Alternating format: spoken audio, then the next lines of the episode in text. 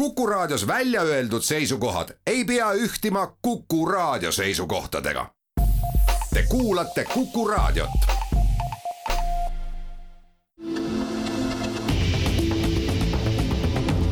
kahevahel. jutuindu ja puitpindu aitavad hooldada Osmo õlivahad. kahevahel. tere, on reede ja keskpäev ja vestlussaate Kahevahel aeg stuudios on ajakirjanikud Timo Tarve ja Ainar Ruussaar ning meie vahel on hea meel tervitada täna vandeadvokaat Paul Keres, tere! tere! nagu ikka heade tuttavate puhul, kes pole tükk aega näinud, räägitakse kohtumisel noh, lisaks ilmale, mis on lihtsalt tuuline ja külm ja rohkem pole sellest põhjust rääkida, räägitakse ka pereuudiseid, mida me siin ka vahendama ei hakka, eraeluline kaitse, ja räägitakse ka päevauudistest Paul, mis mulje on teile jätnud Marko Mihkelsoni ümber puhkenud skandaal, sest et te olete ka ise lähiminevikus üsna sarnaseid kaasusi ja avaliku elu tegelasi kaitsnud, kusjuures õigeks mõistetud mõlemas loos mm. -hmm. minul tekitab Marko Mihkelsoni juhtum äh, kahetisi tundeid. esiteks äh, tekitab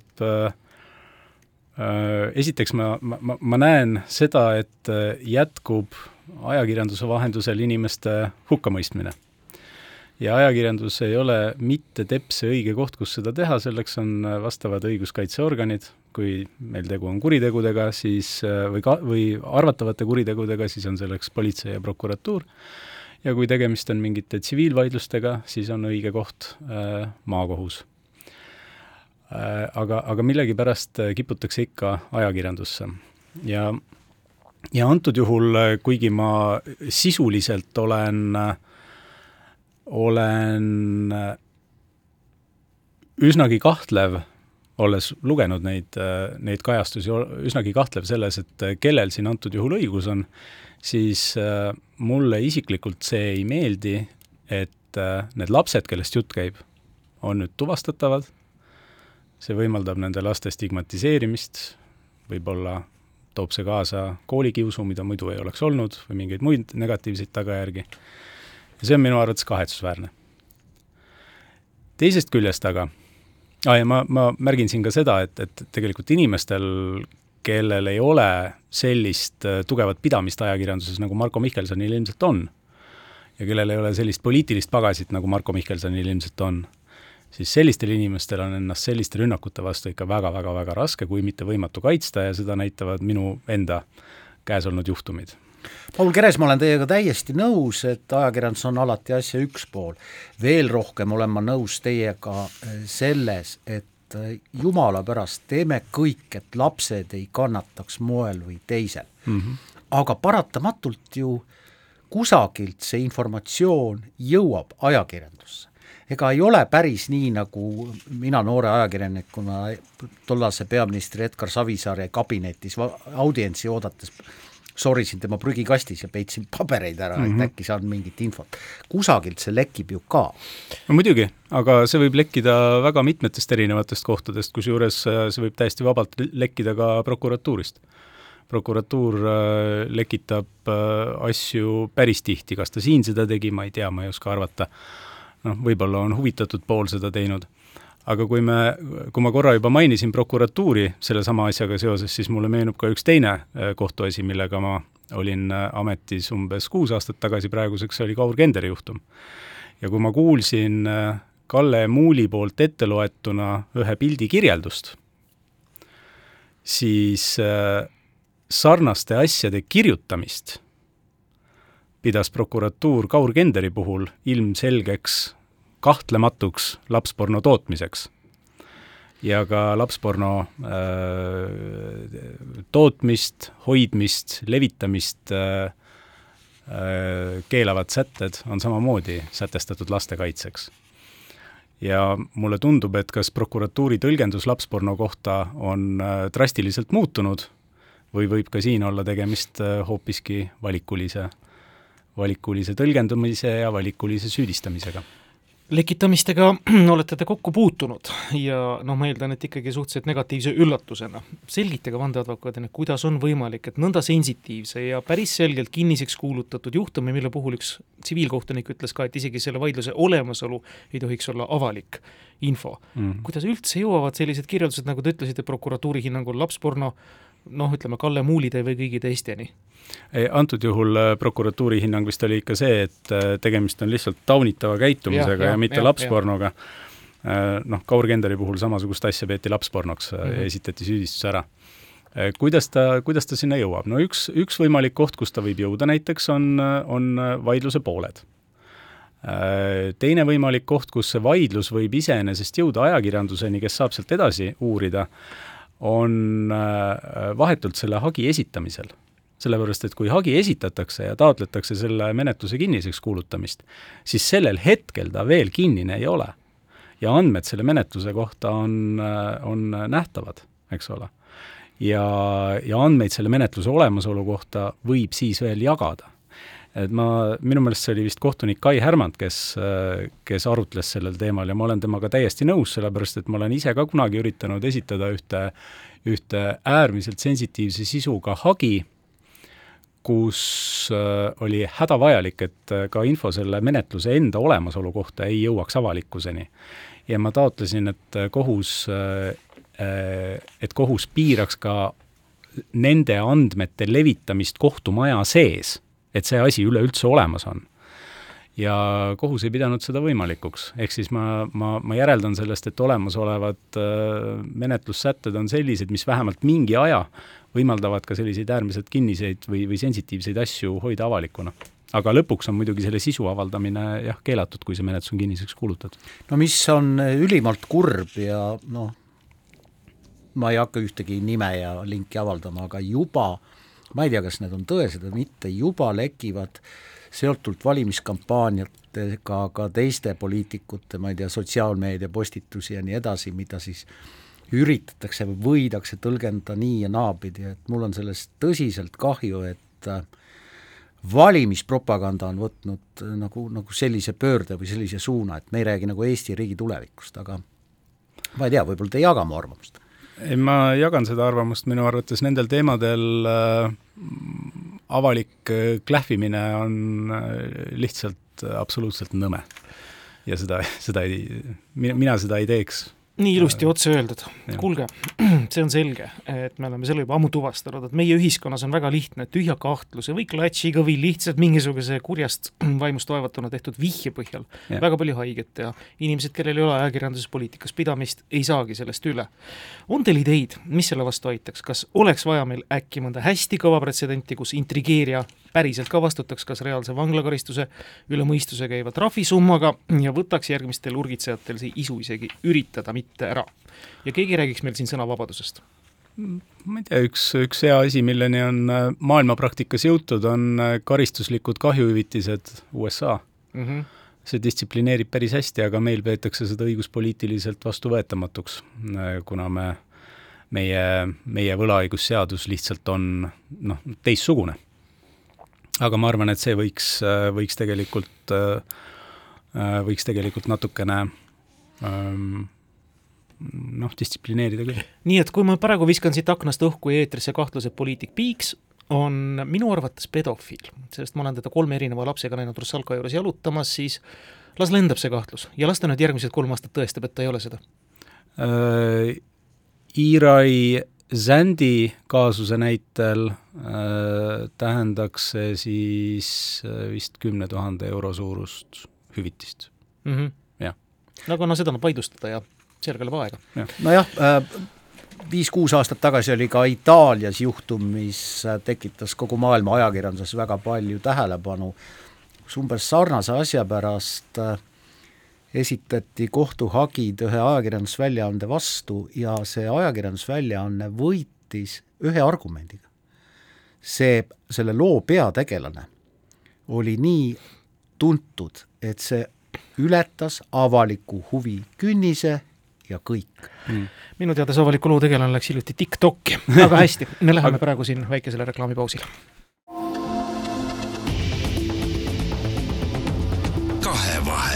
jutuindu ja puitpindu aitavad hooldada Osmo õlivahad. kahevahel. saade Kahevahel neljandal novembril stuudios on Ainar Ruussaar ja Timo Tarve, meie külaline täna on vandeadvokaat Paul Keres. tuntud avaliku elu tegelane mm., noh, teeb midagi sellist, mille puhul ajakirjandus leiab, et seda peaks kuidagi kajastama või vähemalt uurima. ajakirjandus väidab, et tegemist on ülekaaluka avaliku huviga. Me sellega lõpetasime enne pausi. mis asi on ülekaalukas avalik huvi, kas printsess Diana tagaajamine paparatside puhul, poolt oli ülekaalukas ava-, avalik huvi? või kus see avaliku huvi piir läheb, kus see lõpeb? no avaliku äh avaliku huvi äh, piirid algavad ja lõpevad seal, kus äh, algavad ja lõpevad konkreetse inimese tegevused avalikus elus. Nüüd, kui printsess Diana kannatab avarijärgselt autos või kui võetakse üles tema hirmunud, hirmunud näoilmeid või midagi sellist, siis see ei puuduta tema tegevust avaliku elu tegelasena kui me räägime poliitikust, siis poliitiku äh, kõrgendatud talumiskohustus puudutab tema poliitilist tegevust ja tegelikult sealt, noh, sealt ta algab ja sealt ta lõpeb. tema eraelu ei kuulu avaliku huvi sfääri kui ta teeb, see tuntud poliitik teeb oma koduaias kas-, kassi šašlõkki, siis see ei puutu kellessegi meist. no mina arvan küll nii, jah noh, sel juhul võtab juba uue valguse see, kui reportaažid läksid Tartu Ülikooli Kliinikumi suunas, kui Edgar Savisaarel võeti selle jalg maha, aga see on hoopis eraldi lugu avaliku elu tegelane Heiki Nabi, tema kohta saime viimasel nädalal teada paljut, et jõulude ajal ta sööb prantsuse kalkunit, et ta sööb äh, veisemaksa, et ta käib no Leedu veisemaks. Leedu veisemaks, et ta käib äh, Sparta jõusaalis, mis on täis ja pungil selliseid lihasmasse, kes ainult dopingust toituvadki. ehk siis need argumendid, mis välja tulid rahvusvahelise spordiarbitraaži kohtu juurest. ma ei ole siiamaani aru saanud, head Heiki Nabi kaitsja, mis on tema õiguslik staatus praegu? on ta süüdi keelatud ainete tarvitamises või mitte, mulje jääb, et ei ole, aga ometi karistust ta kandma peab, selline Schrödingeri kass. Äh, nii, nii, nii ta on, jah. Äh, spordi vahekohus on äh, tuvastanud täiesti ühemõtteliselt mitu erinevat asja. kõigepealt on ta tuvastanud seda, et Heiki Nabi ei ole tahtlikult toime pannud ühtegi dopingurikkumist, ta ei ole võtnud ühtegi dopinguainet ja selles mingit vaidlust olla ei saa Äh, samamoodi on Kassi arbitraaž välistanud selle, et see aine võis tema kehasse sattuda toidulisanditega või, või mingite muude selliste, või ravimitega, seda ka ei ole võimalik, see, see on ka välistatud, välistatud on ka sabotaaž, et keegi teine sportlane talle seda joogi sisse pani näiteks, seda ka ei ole. et jäävad alles ainult mingisugused elulised juhtumid, noh näiteks seesama lihasöömine, kalkuni söömine äh,, Äh, kokkupuude saastunud higiga, süljega, kõik need on teaduslikult võimalikud äh, sündmused iseenesest, aga arbitraaž ei pidanud neid tõenäoliseks. ja ikkagi ma ei saa aru mina ka ei saa päris hästi aru mm. -hmm. kuidas saab kohus mõista inimese süüdi, öeldes, et ta tegelikult ei ole süüdi? ei ole süüdi. Äh, kohus on seda kirjutanud seal, kohus on öelnud, et temal ei ole mingit, mingit kahtlust selles, et Heiki Nabi ei ole tarvitanud dopinguainet aga kuna Heiki Nabi ei ole öelnud, kust ta selle aine enda organismi sai ta ei tea ju seda. ei no ei tea jaa, aga ta peab ütlema. nii nad ütlevad, nii, nii nad tõlgendavad neid reegleid. et kui ta ei ütle, kust see tuli, siis ta peab oma karistusega edasi elama.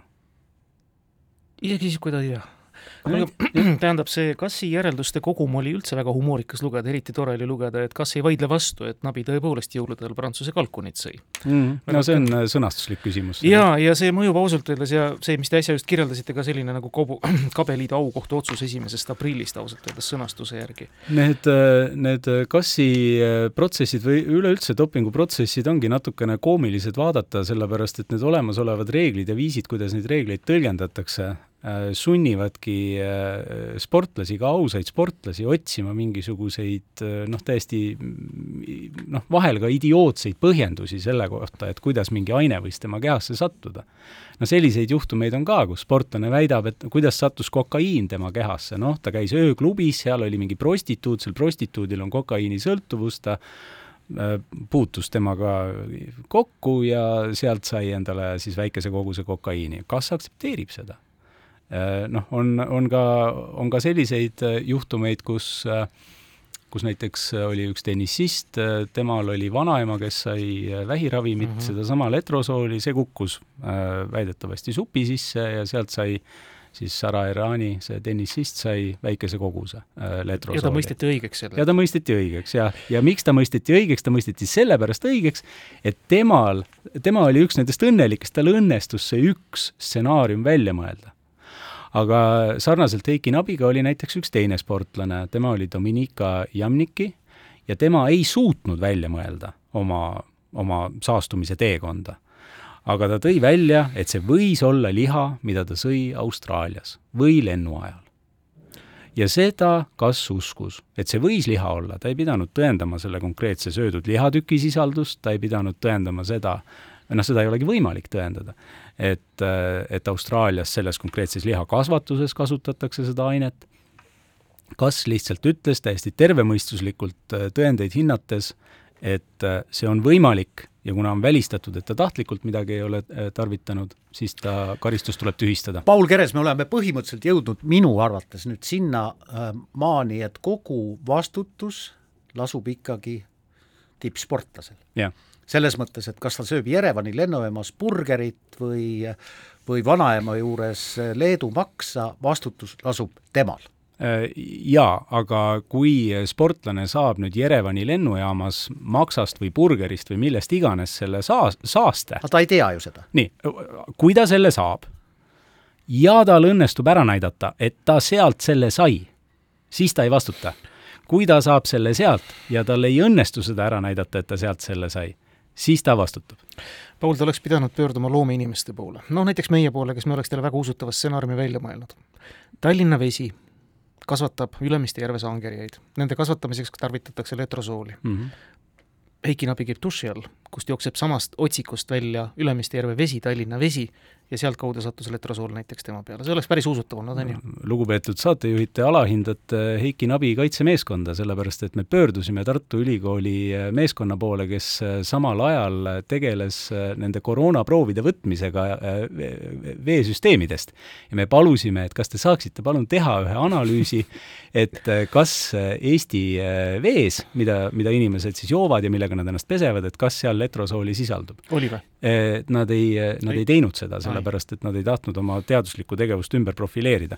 aga see on ka võimalik, sellepärast tõepoolest letrosooli kasutatakse kalakasvanduses ka ja kus teda veel kasutatakse, teda kasutatakse ju loomulikult haiglates. Ja haiglatest läheb ju reovett välja ja ma mõtlesin, ma nalja teen, aga ma, ma olen vaimustuses teie kaitsemeeskonnast. Ehm, spordieetik Kristjan Port on jõudnud nii meile kui televisioonis kommenteerida, et kohus ei otsinudki tõde, vaid kaaluski poolte argumente ja tõendites, aga mul jääb siis nüüd mulje, et spordiarbitraaži kohus või kohtupidamine laiemalt siis Euroopas on piltlikult öeldes siis kapsaturg lihtsalt, kus pannaksegi tõendid kahele kaaluvihile ja vaadatakse, kellele me seekord õiguse anname või? Ei, ma arvan, et Kristjan sa oled Port... väga julge niimoodi kohut, rahvusvahelist kohut ma arvan, et, ma arvan, et Kristjan Port ei mõista seda, mismoodi rahvusvaheline spordiarbitraaž toimub, ta eeldatavasti ei ole seal kunagi esindajana käinud ja ja, ja, ja ta lihtsalt räägib mingit imelikku juttu. loomulikult otsis kas tõde ja kas selgitaski erinevate ekspertide abil tõe välja. ja see tõde on see, et mitte ükski ekspert ei kahtlenud selles, et Heiki Nabi ei ole tarvitanud äh, dopinguaineid. ja, ja, ja mil-, ja mis sellest omakorda järeldub, on see, et vahele on võetud puhas sportlane, kes kohtu enda põhjenduste kohaselt on juhusliku kokkupuute tagajärjel äh, saanud enda organismi ke-, seda keelatud ainet ja maksab selle eest kõrget hinda.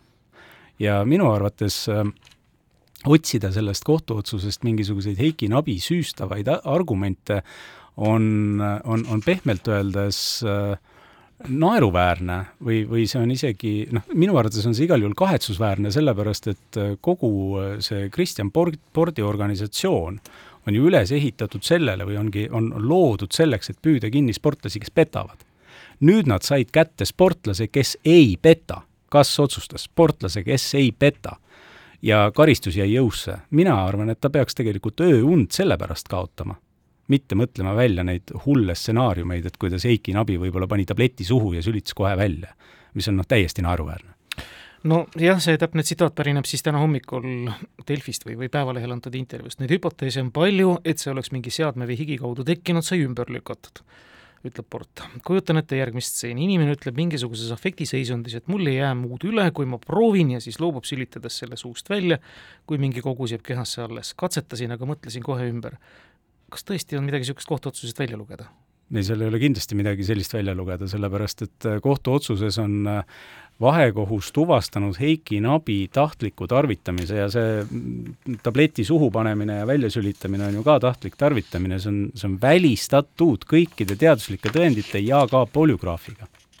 see tähendab siis valedetektoriga Te lähete selle Kassi otsusega nüüd Šveitsi põhiseaduskohtusse või kuidas seda instantsi seal nimetatakse? ülemkohus. ülemkohus, jah ja.. nagu meil on Riigikohus. jah, just ja. ma olen nii aru saanud, et sinna saab põhimõtteliselt kaevata ainult siis, kui arbitraažis on ilmunud või noh, ilmnenud protseduurilisi rikkumisi et tema sisuliselt ei aruta, seda otsust ümber vaatama ei hakka, kui seal nüüd midagi valesti menetleti, siis seda ta võtab küll arvesse. et millega te sinna lähete ja miks te sinna lähete? see tarkus vist pärineb ka Šveitsi õigusekspert Kristjan Bordilt, et sinna saab minna ainult äh, protseduuriliste rikkumistega. minu äh, kolleegid Šveitsist, äh, kellel võib-olla need teadmised on tagasihoidlikumad kui härra Bordil, on mulle kinnitanud, et sinna saab minna ka sellisel juhul, kui see otsus on sisuliselt vastuolus Šveitsi avaliku korraga ja nende hinnangul äh, selline otsus, kus äh, vahekohus tuvastab täiesti ühemõtteliselt, et sportlane ei ole midagi valesti teinud, aga määrab talle karistuse, on vastuolus Šveitsi avaliku korraga. ja kui Šveitsi mm, kõrgem kohus ütleb, et spordi, spordi arbitraaži kohtuotsus ei ole põhjendatud, mis siis edasi saab? siis sellisel juhul läheb see asi kassi tagasi, spordiarbitraaži läheb tagasi ja spordiarbitraaž peab vastavalt äh, Šveitsi ülemkohtu juhistele äh, või neid juhiseid arvesse võttes ja põhjendusi arvesse võttes tegema uue otsuse. jaa, aga keegi ei saa ju anda sportlasele tagasi kaotatud aega, ta ei ole saanud võistelda. seda ei saa jah, aga ta, tema karistus kaob ära, äh, kaob ära see fakt, et teda on karistatud ja, ja, ja see praktika võib tegelikult nii Heiki Nabile kui ka teistele sportlastele luua uusi võimalusi oma süütuse tõendamisel. Ma mõtlen just äh, puhastele sportlastele, nendele sportlastele, kes ei peta, aga kes tahes-tahtmata on sattunud äh, kokkupuutesse mingi, mingi saastumise allikaga. sest neid asju, ma võin teile kinnitada, neid asju tuleb järjest rohkem ja rohkem. Need reeglid on pärit ajast, kui sellist äh, asja nagu juhuslik saastumine põhimõtteliselt põhimõtteliselt ei olnud. Et noh, kui just mitte pidada juhuslikuks saastumiseks kahte või kolme tabletti, eks ole, mida, mida alla neelatakse. praegu need laboritehnikad ja laborimasinad on läinud nii tundlikuks, et nad tõesti võtavad üles isegi selle, kui kui kreemi sisse on pandud tibatilluke kogus äh, steroidi ja siis see kreem määritakse naha peale niimoodi ühe tõmbega. see jääb sportlase uriini näha ja mitte üks kord, vaid mitmel järjestikusel võtmisel või proovi võtmisel mitmete nädalate jooksul. Paul, öelge, nagu Ainar ütles, ega seda kahte aastat Heikile keegi tagasi ei kingi. seda kuskilt otsast tagasi ei keera, vahele jäänud võistlusi, sealhulgas Tokyo olümpiat, keegi talle enam tagasi seda võimalust enne mänge tema pärast uuesti korraldama ei hakata. kui ta peaks õigeks osutuma. kas on mingi mehhanism, mis näeb ette Heikile siis mingi ekvivalendina mingisuguse lohutuse kompensatsiooni kõigi nende kaheaastase kannatustest ja kes selle huvitav taguma kinni peaks, on selleks kas või on selleks Enn Vallimäe kontor? ei, see on, mina arvan, et kogu selle kahju eest äh, vastutab äh, ikkagi äh, Eesti Antidoping, noh, see ongi siis Enn Vallimäe kontor. Neil on võimalik tõlgendada reegleid tervemõistuslikult, neil oli võimalik lähtuda kassi pretsedendist Jamniki asjas, need eeldused me tõime kõik neile ette Neil oli iseenesest võimalik äh, Heiki Nabiga äh, õigeks mõista, jätta talle karistus määramata või vähendada seda karistust olulisel määral. kindlasti, mida neil oli võimalik teha ja mida nad pididki tegema, oli hoida A-proov saladuses, nii nagu reeglid ette näevad, neil oli võimalik äh, menetluse jooksul täita kohustust aidata kaasa asjaolude väljaselgitamisele, mida nad ei teinud, mille eest kas neid lõpuks nahutas ka ja nii edasi ja nii edasi ja nii edasi, nii et tõepoolest ma arvan, et sinna võiks olla see teravik sihitud. kuidas see spordiõiguse koha pealt tundus, see oli teile vist esimene kaasus just selles õiguses orienteeruda, ma ei tea, kas esimene või teine või mitmes, aga no kuhu ma tahan lõpuks küsimusega tüürida, mis kõiki huvitab, kas te tegite seda pro bono? ei, ei teinud. selge. teeme siin, jah ja,, teeme siin väikese pausi ja siis jätkame mm -hmm. saadet kahe vahel. kahevahel.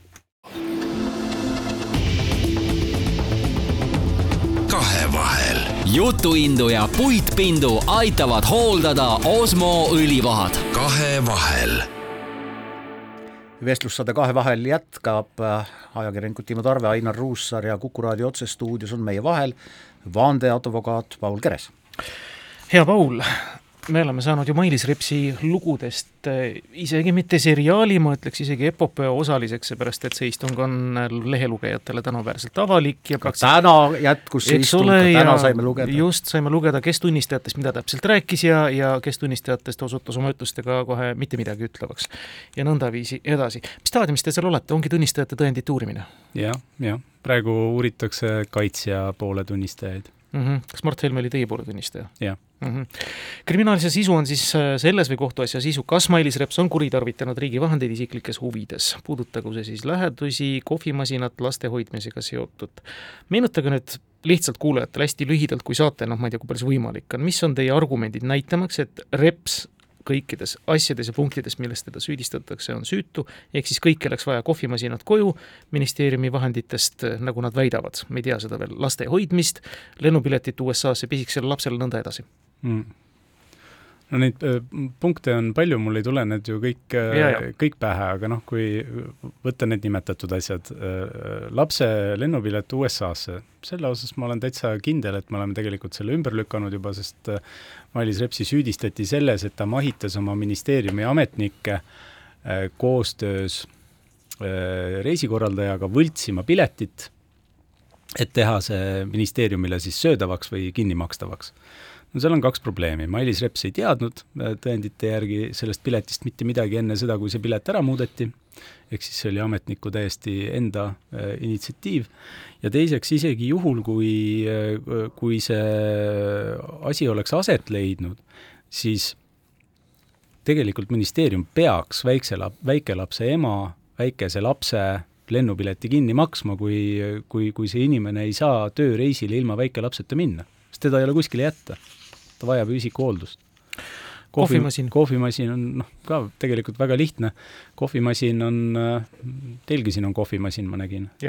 meil on, renditud, mitte ostetud. jaa, aga, aga kohvimasin sellegipoolest, see on äh, töövahend, see on selleks, et külalistele kohvi pakkuda, mullegi pakuti kohvi. Ei võtnud? ma, ma ei võtnud, ma võtsin vett, aga see on lihtsalt sellepärast, et ma ei taha praegu kohvi, ma muidu tavaliselt võtan küll see on külalistele pakkumiseks, eks ole, ja Mailis Repsil oli ka kodus kohvimasin selleks, et külalistele seda pakkuda, nendele külalistele, kellega ta pidas kodus töönõupidamisi ja neid oli. vot see on natuke kahtlane värk juba minu jaoks, et noh, ma võin, ma ei tea ma võin ju niimoodi siis igast asju endale koju viia, sest ajakirjanikuna ma ka aeg-ajalt kodus kohtun allikatega.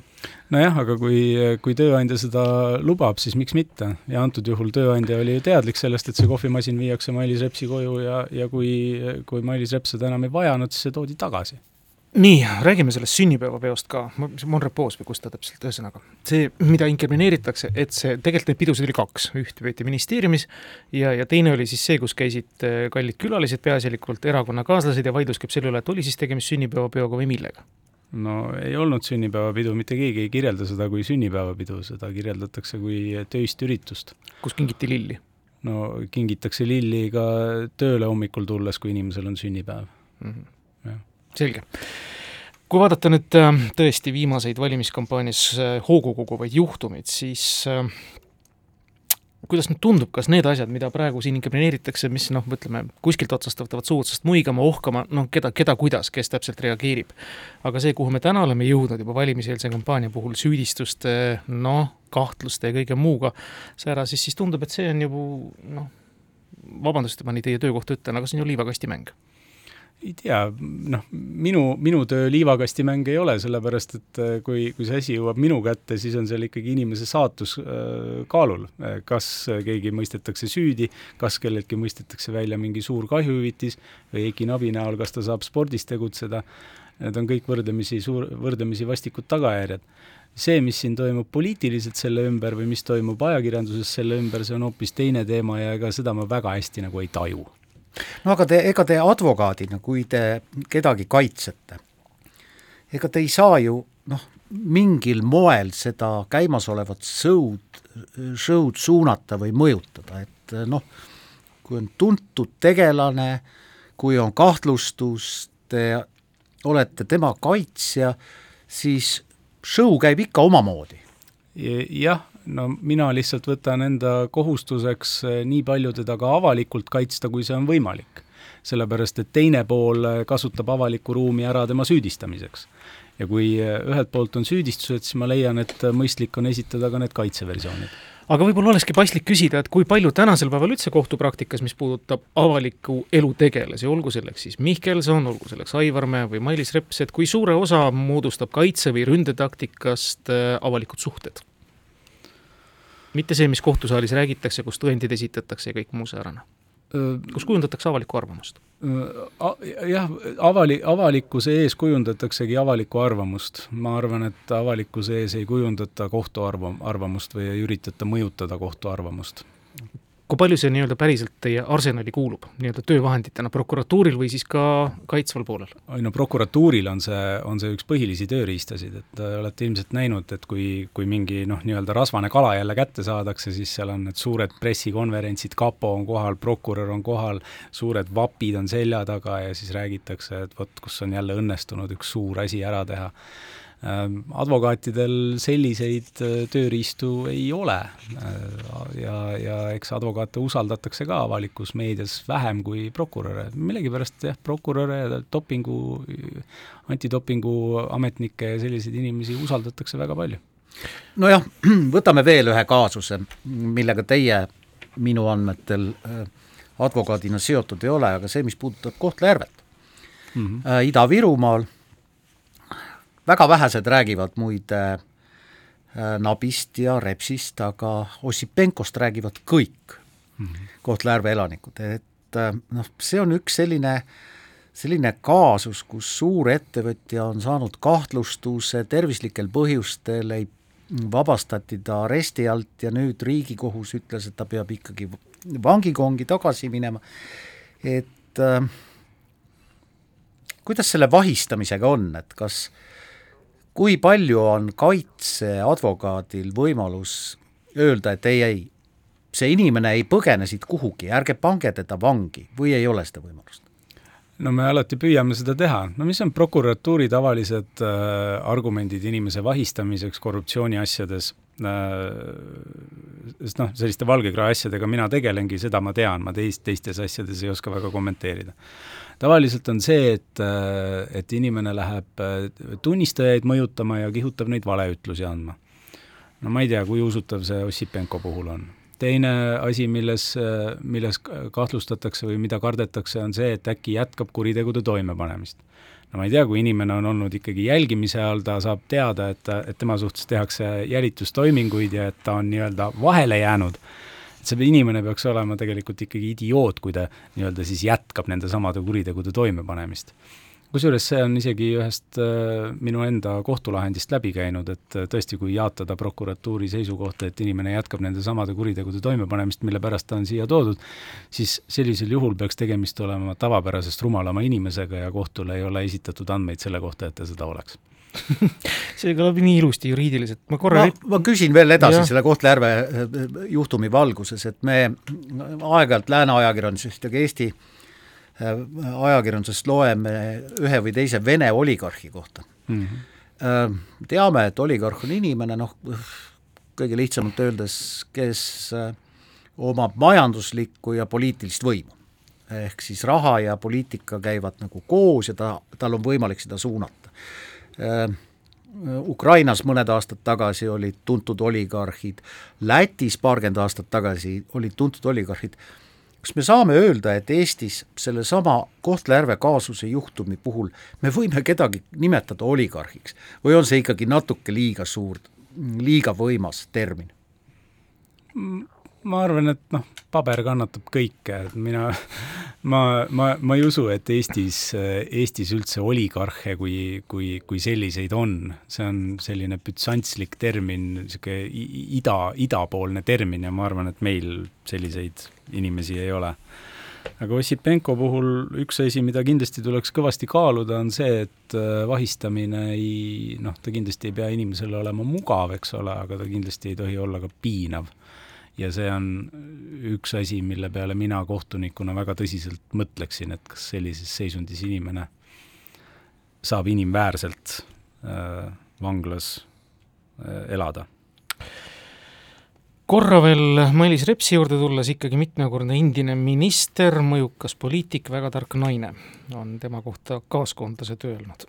otsust meil muidugi ei ole, aga reportaaži kohtusaalist on tavalise lugeja vist juba sundinud poolt valima ja oma arvamuse selles osas kinnistanud, noh, te loete ka lehti, loete kommentaare, teinekord huvitav vaadata. Öelge, kui raske on nendes oludes üldse Repsil naasta avalikku ellu, kas poliitiku või ametnikuna?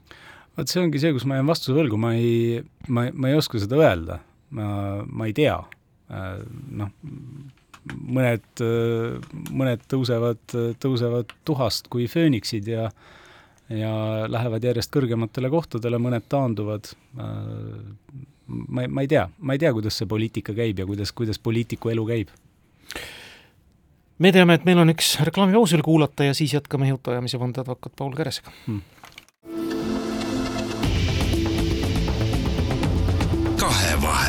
Jutuindu ja puitpindu aitavad hooldada Osmo õlivahad. kahevahel saade Kahe vahel jõudnud viimasesse veerandisse, meil on hea meel olnud täna võõrustada vandeadvokaat Paul Keresnet, meie siis Ainar Ruussaar ja Timo Tarve.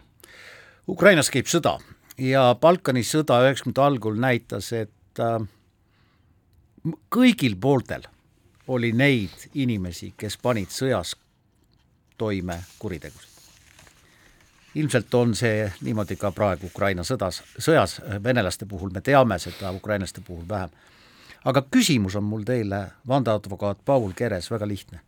kas te advokaadina olete valmis või oleksite valmis kaitsma sõjakurjategijas, sõjakurjategijat või selles sõjakuriteos kahtlustatavat? kindlasti mitte. miks? Äh, ma olen selle otsuse teinud enda jaoks juba, juba päris ammu ära, et ma üldse isikuvastastes kuritegudes kahtlustatavaid isikuid ei, ei tahaks äh, kaitsta, ma ei tahaks ennast sellesse, sellesse solgiämbrisse sisse, sisse kasta. Ja sõjakuritegude puhul on see kõik veel noh, mitmendas astmes, see, see, see jälkus. ja ma lihtsalt ei taha. Ja kui mul on võimalik sellest hoiduda, kui mind selleks ei sunnita, siis ma seda kunagi ei tee ka keegi ei saa teid selleks sundida? no ei saa jah, nii et siis järelikult ma ei tee.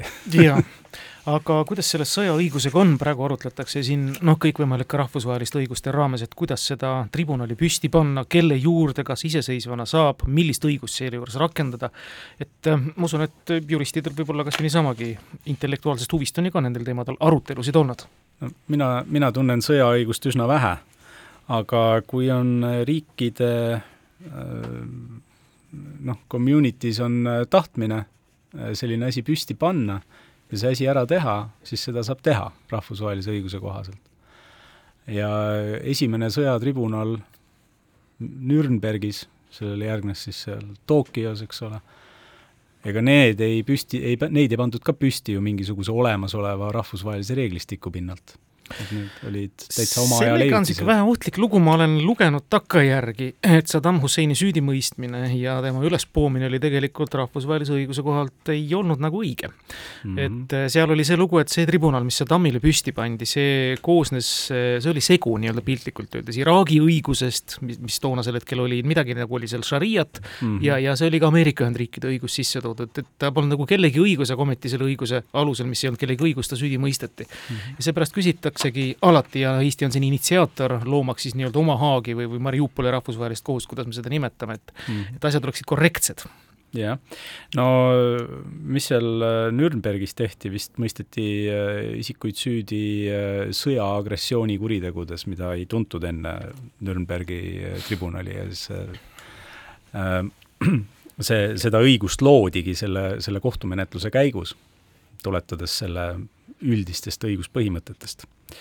aga ma jah, ma ei ole, ma ei ole sõjaõiguse või rahvusvahelise õiguse, õiguse suur asjatundja, et ma võin ka täitsa, täitsa jama ajada teile. igal kahtlusalusel on õigus kaitsele. aga tal on õigus ka sellest keelduda.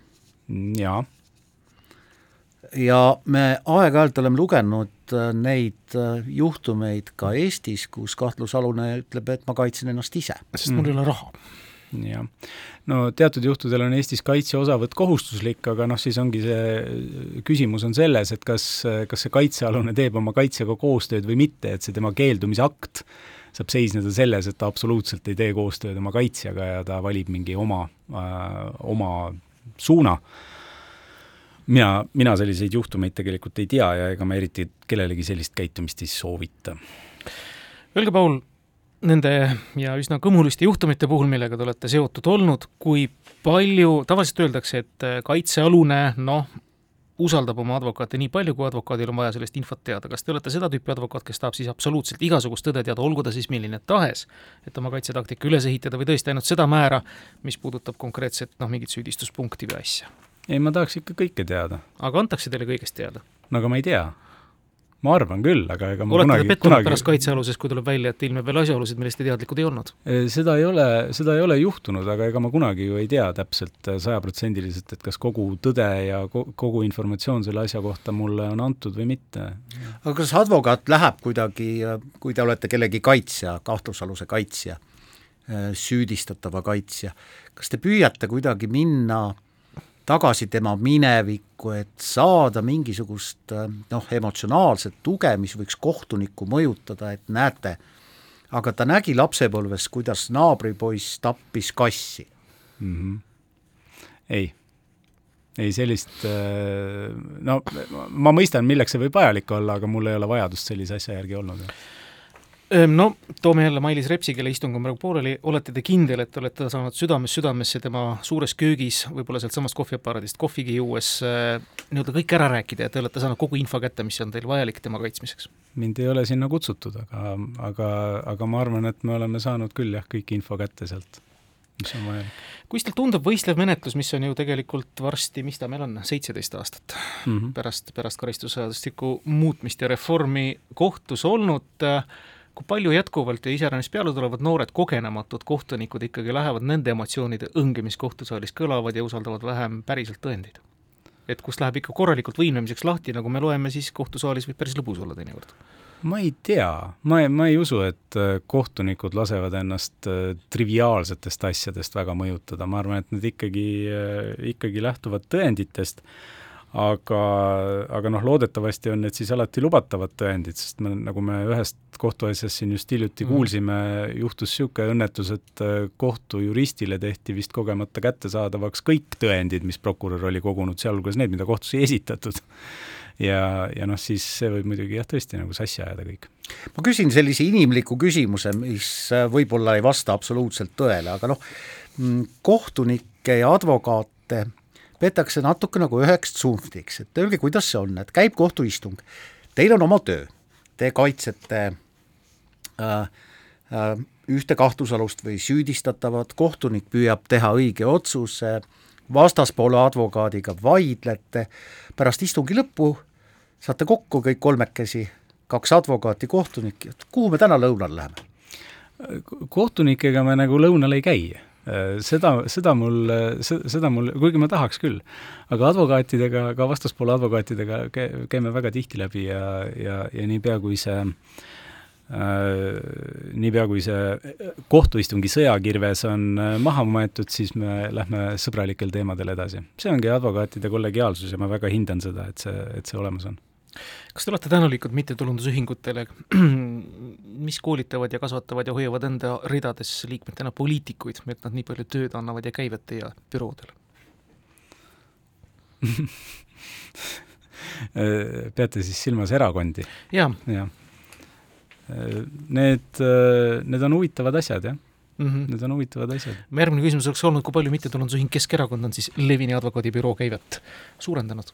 natukene Paul Keres, kui palju täna gümnaasiumi lõpetav noor teab, Eesti gümnaasiumi lõpetav noor teab, mida ei tohi ja mida tohib? kas üldiselt on pilt pigem hea või pigem võiks olla parem? Mina arvan seda, et, et gümnaasiumi lõpetav äh, noor üldiselt ikkagi teab, mida tohib ja mida ei tohi, sellepärast et äh, need asjad äh, tulevad kaasa perekonnast ja meie, me noh, need on, need on elementaarsed asjad, mis tulevad kaasa kasvatusega ja perekonnast. ja kellel neid teadmisi või neid arusaamisi ei ole, see ilmselt gümnaasiumi ei lõpeta? see ilmselt gümnaasiumi ei lõpeta, jah, ma arvan küll. ma tõesti arvan nii seitse aastat on üks Krimm asi püsti olnud, millest me ei ole täna üldse rääkinud. mis te arvate, kas see lugu jõuab enne aegumist kohtuotsuseni või mitte, me räägime Tallinna Sadama asjast? Äh, ma ei, ma ei, ma ei, ma ei tahaks, ma ei tahaks spekuleerida, aga on, on, on, on äh, argumente, mida võib esitada, et see lugu on juba ammu aegunud, eks ole uh. Mhm. -huh on argumente, mis võimaldavad väita, et see on äsja aegunud. on argumente, mis võimaldavad vastaspoolel võib-olla väita, et ei ole veel aegunud ja ei aegu niipea ähm, mina, mina ei tahaks hakata prognoosima seal. no millal me otsust kuuleme mm,? ei tahaks prognoosida, meil on, meil on kohtuistungeid määratud ju praegu, kas vist juba tulid kahekümne neljanda aasta omad ära ka oh.? Ja, ja pidevalt on õhus ju ka oht, et rahvakohtuniku tõttu võib siis koosseisu vahetada nullist alustada, jah? Äh, kui nii peaks juhtuma, jah. praegu seal varu rahvakohtunikku enam ei, enam ei ole, tõesti kuidas nüüd on, kas te olete selles jaos rahul selle kohtuniku otsusega, mis sellelt istungilt eh, keelas otsereportaaži teha, enne kui otsus pole tulnud tema poolt, erinevalt siis Mailis Repsi otsusest? Mina, mina üldiselt pooldan avalikke menetlusi. et mida avalikum, seda parem, sellepärast et sellel sellel tööriistal on kohtumõistmise juures oma funktsioon, see on tagada avalikkuse järelevalve selle üle, et mis kohtus toimub, ega seal kellelegi liiga ei, ei tehta ja et kas see asi paistab õiglane. ja see on oluline, tsiviilkontroll. Äh, minu meelest ajakirjanikud äh, läksid äh, kunagi selles Savisaare protsessis liiale sellega, et nad tegid tunnistajate ütluste stenogrammi ja see võib kahjustada asja, asja menetlust sellega, et teine tunnistaja, kes on väljas, kelle tunnista- või kelle ütlused võib-olla on ka seoses sama asjaga, tema loeb eelneva tunnistaja ütluseid Delfist ja see võib mõjutada tema ütlusi. me peame siinkohal lõpetama. suur ja... tänu, vandeadvokaat Paul Keres, et äh, pühendasite oma elus tunnikese Kuku raadio kuulajatele, vähemalt minul ja Timol tundub, äh, oli, oli küll huvitav, huvitav ja ma väga loodan, et ka kuulajatel. kahe vahel taas järgmise nädala reedel kell kaksteist